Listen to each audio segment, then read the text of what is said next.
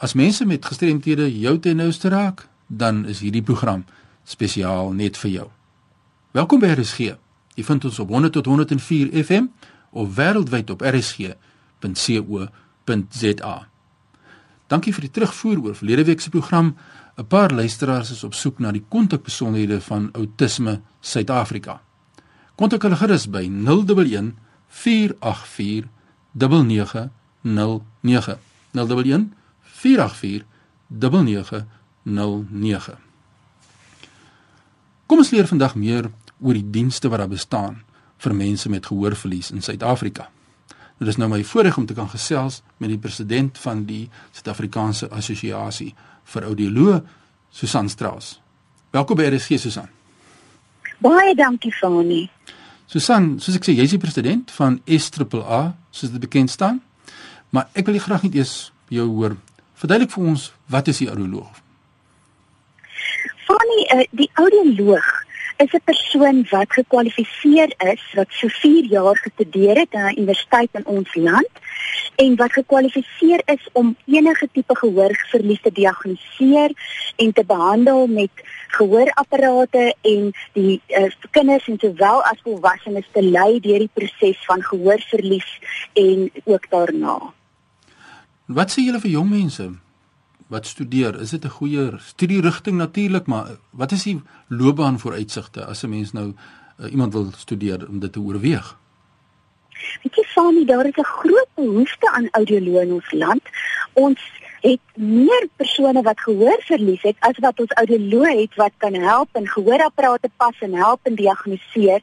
So daar's 'n groot behoefte aan audioloë in ons land, Afrikaans en Engels, maar ook al die ander tale.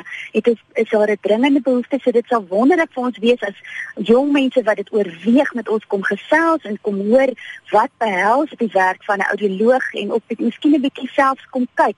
Hoe hoe lyk dit waar ons werk? Daar's poste in publieke hospitale en privaat omgewings.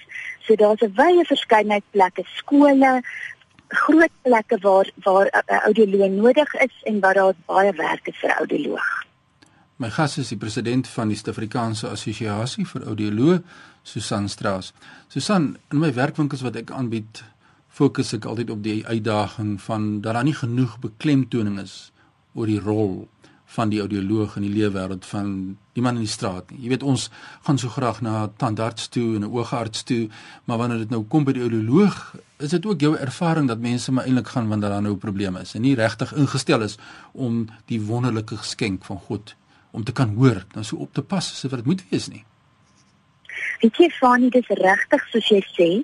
En mense soms as hulle ook by jou kom as audioloog en sukkel om uh, miskien in 'n gesprek te hoor soos hulle van tevore kon hoor, dan is mense ook op soek na 'n kitsoplossing en daar is nie 'n kitsoplossing nie. Dis 'n paadjie wat 'n mens moet loop. Jou jou gehoor is absoluut 'n geskenk en ek dink 'n mens besef eers wat 'n geskenk dit is tot die dag as jy begin sukkel om te hoor. En baie keer mense al vroeg in hulle 40's begin sukkel om te hoor. Jy kom net agter in 'n gesprek in 'n restaurant of in 'n groot groep dat jy sekere dinge begin mis en dan kom jy agter maar hoe belangrik is gehoor vir kommunikasie om deel te wees van die samelewing om in te skakel om te weet uh, wanneer jy moet uh, reageer en wanneer jy moet luister. So dit is 'n groot ding jou gehoor en dit is dit is 'n belangrike paadjie wat mens met jou audioloog moet loop as jy begin sukkel. Ja en die feit is as 'n mens te lank wag is daar baie negatiewe implikasies nê Ja, dis dis presies so, Fani. Mens wag amper so laat dat jy partykeer sukkel om aan te pas by die uitdagings van jou gehoorverlies en sukkel om aan te pas by die gehoorapparaat. So hoe vroeër jy by iemand uitkom om te identifiseer wat die probleem is, hoe makliker is dit om weer aan te pas daarbey by jou oplossing en partykeer is dit ook 'n oplossing wat jy wel mediese hulp voor kan kry. So hoe vinniger jy by jou audioloog uitkom, hoe makliker is dit vir jou.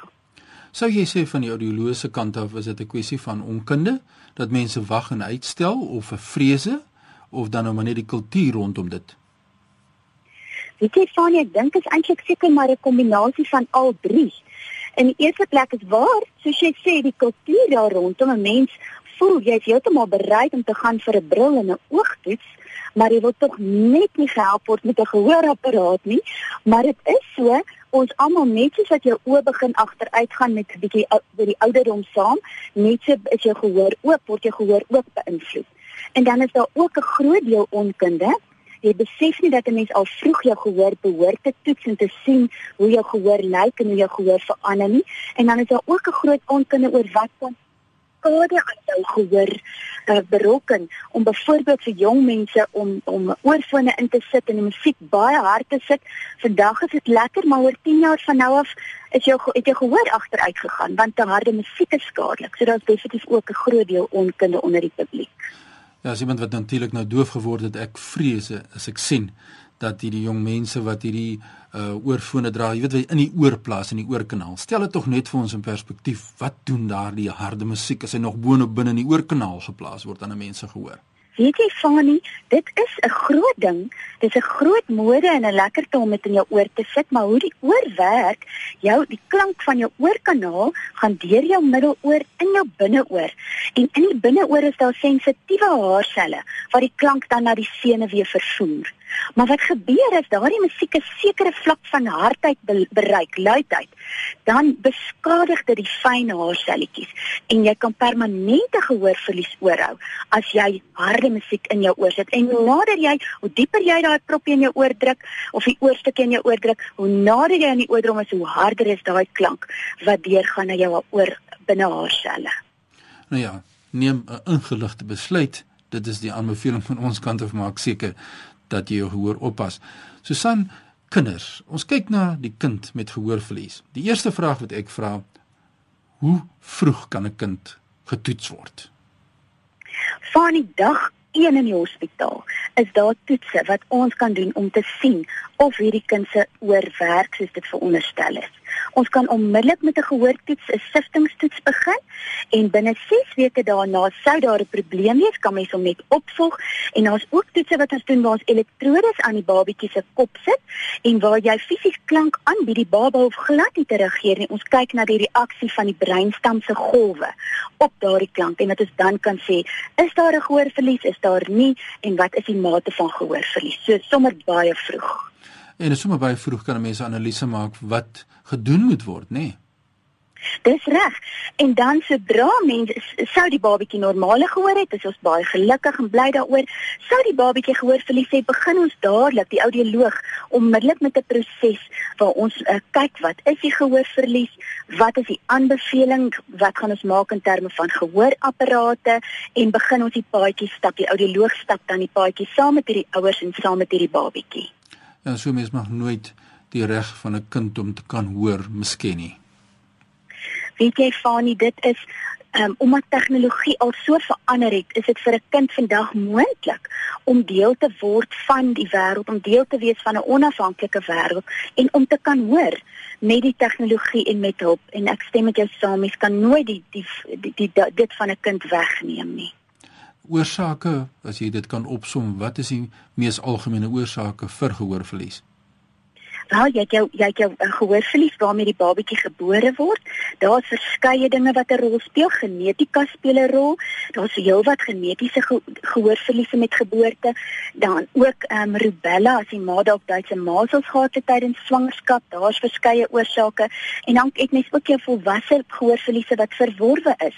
Dit kan wees ehm um, as gevolg van siektetoestande of medikasie en dan soos ek sê, jy het ook jou ouderdomsgehoorverlies en jou ehm um, jou lawaai of musiek geïndiseerde gehoorverlies. So daar's verskeie oorsake van gehoorverlies.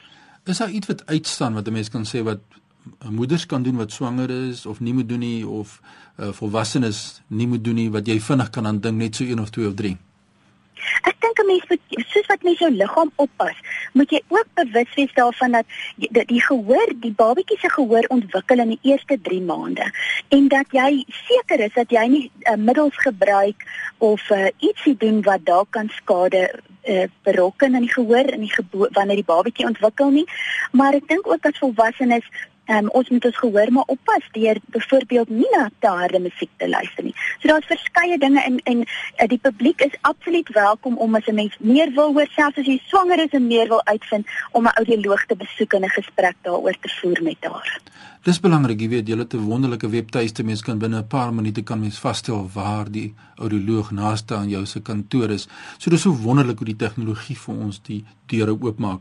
Ons tyd is besig om uh einde se kant toe te staan in hierdie program. Dit is uh Susan Strauss, sy is die president van Suid-Afrikaanse Assosiasie vir Audioloë en wie ek gesels oor die impak van gehoorverlies. Ek wil net ter afsluiting van ons program sê ek is baie opgewonde dat die, die sektor van mense met gestremthede en SAA dis nou julle assosiasie werk te nou te saam rakende 'n projek wat ons noem Road to Independence. Dit gaan oor die integrasie van mense met gehoorverlies en ons kyk holisties na 19 of wat aspekte van die mens met gehoorverlies om hom te integreer in die gemeenskap, die audioloog, die spraakterapeut, die werksgeleenthede, belastingvoordele, ag, toeganklikheid.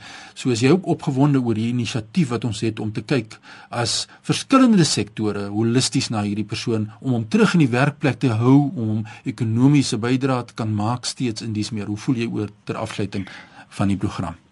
Fanny, ons is vreeslik opgewonde daaroor. Ons voel dit so belangrik dat almal wat 'n rol speel, dat al die rolspelers hande sal vat en dat die mense met 'n gehoorverlies deel sal bly van die werkplek en soos jy sê, hulle hulle pad na onafhanklikheid sal behou en ook in die werkplekke bydra kan maak. Ja, mense dink altyd na kompensasie aan die een kant en dit mense ook na ongeskiktheidstoelae aan die ander kant. Maar in die middel is daar baie mense met gehoorverlies wat graag steeds in die arbeidsmark wil bly, wat graag steeds wil werk of integreer en dis hierdie groep mense wat ons ook in hierdie proses baie ondersteuning kan bied in hierdie program. So ek sê ook van RSG se kant af baie geluk met hierdie inisiatief. As mense jou wil skakel of die vereniging waar kry hulle jou in die hande?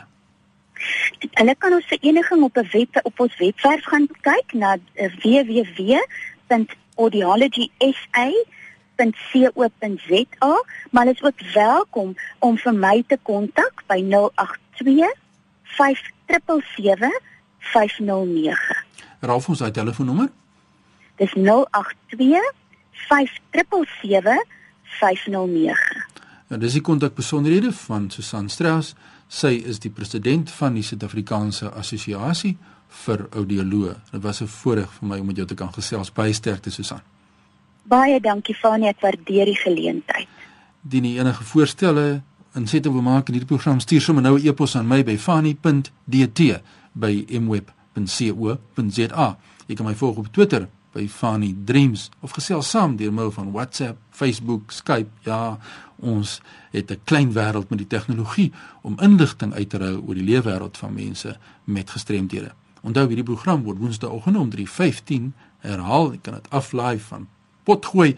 Besoek net ons webtuiste rsg.co.za en volg die instruksies. Groetnisse uit Kaapstad.